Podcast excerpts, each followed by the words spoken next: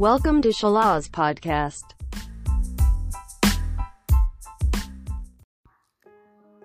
Halo Sobat Salas, jumpa lagi dengan saya, Pipit. Semoga selalu dalam keadaan sehat dan bahagia ya. Kali ini memasuki episode ketiga 30 hari podcast bersama Salas dengan tema makna keluarga. Sebelumnya, saya akan cerita ya tentang latar belakang keluarga saya. Saya bersyukur memiliki banyak keluarga, memiliki dua ibu, dua ayah, dan banyak adik. Kenapa bisa? Ya, karena orang tua saya memutuskan untuk bercerai saat pipit bayi masih berusia 9 bulan.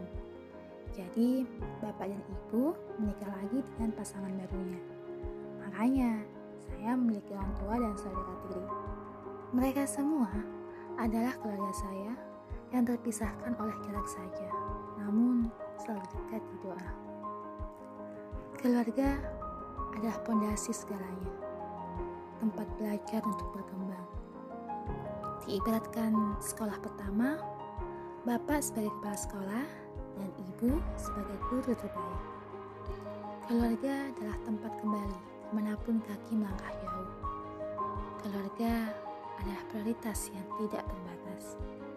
Bahkan, pernikahan menyatukan dua keluarga menjadi satu. Inilah keistimewaan keluarga mereka akan selalu ada saat suka maupun duka.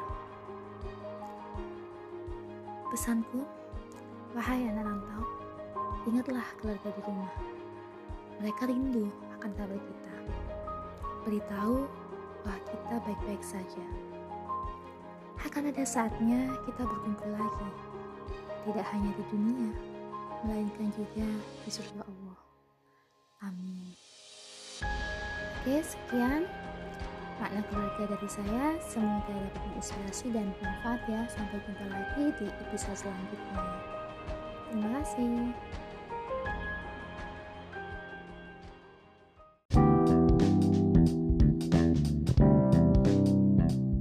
Thank you for attention.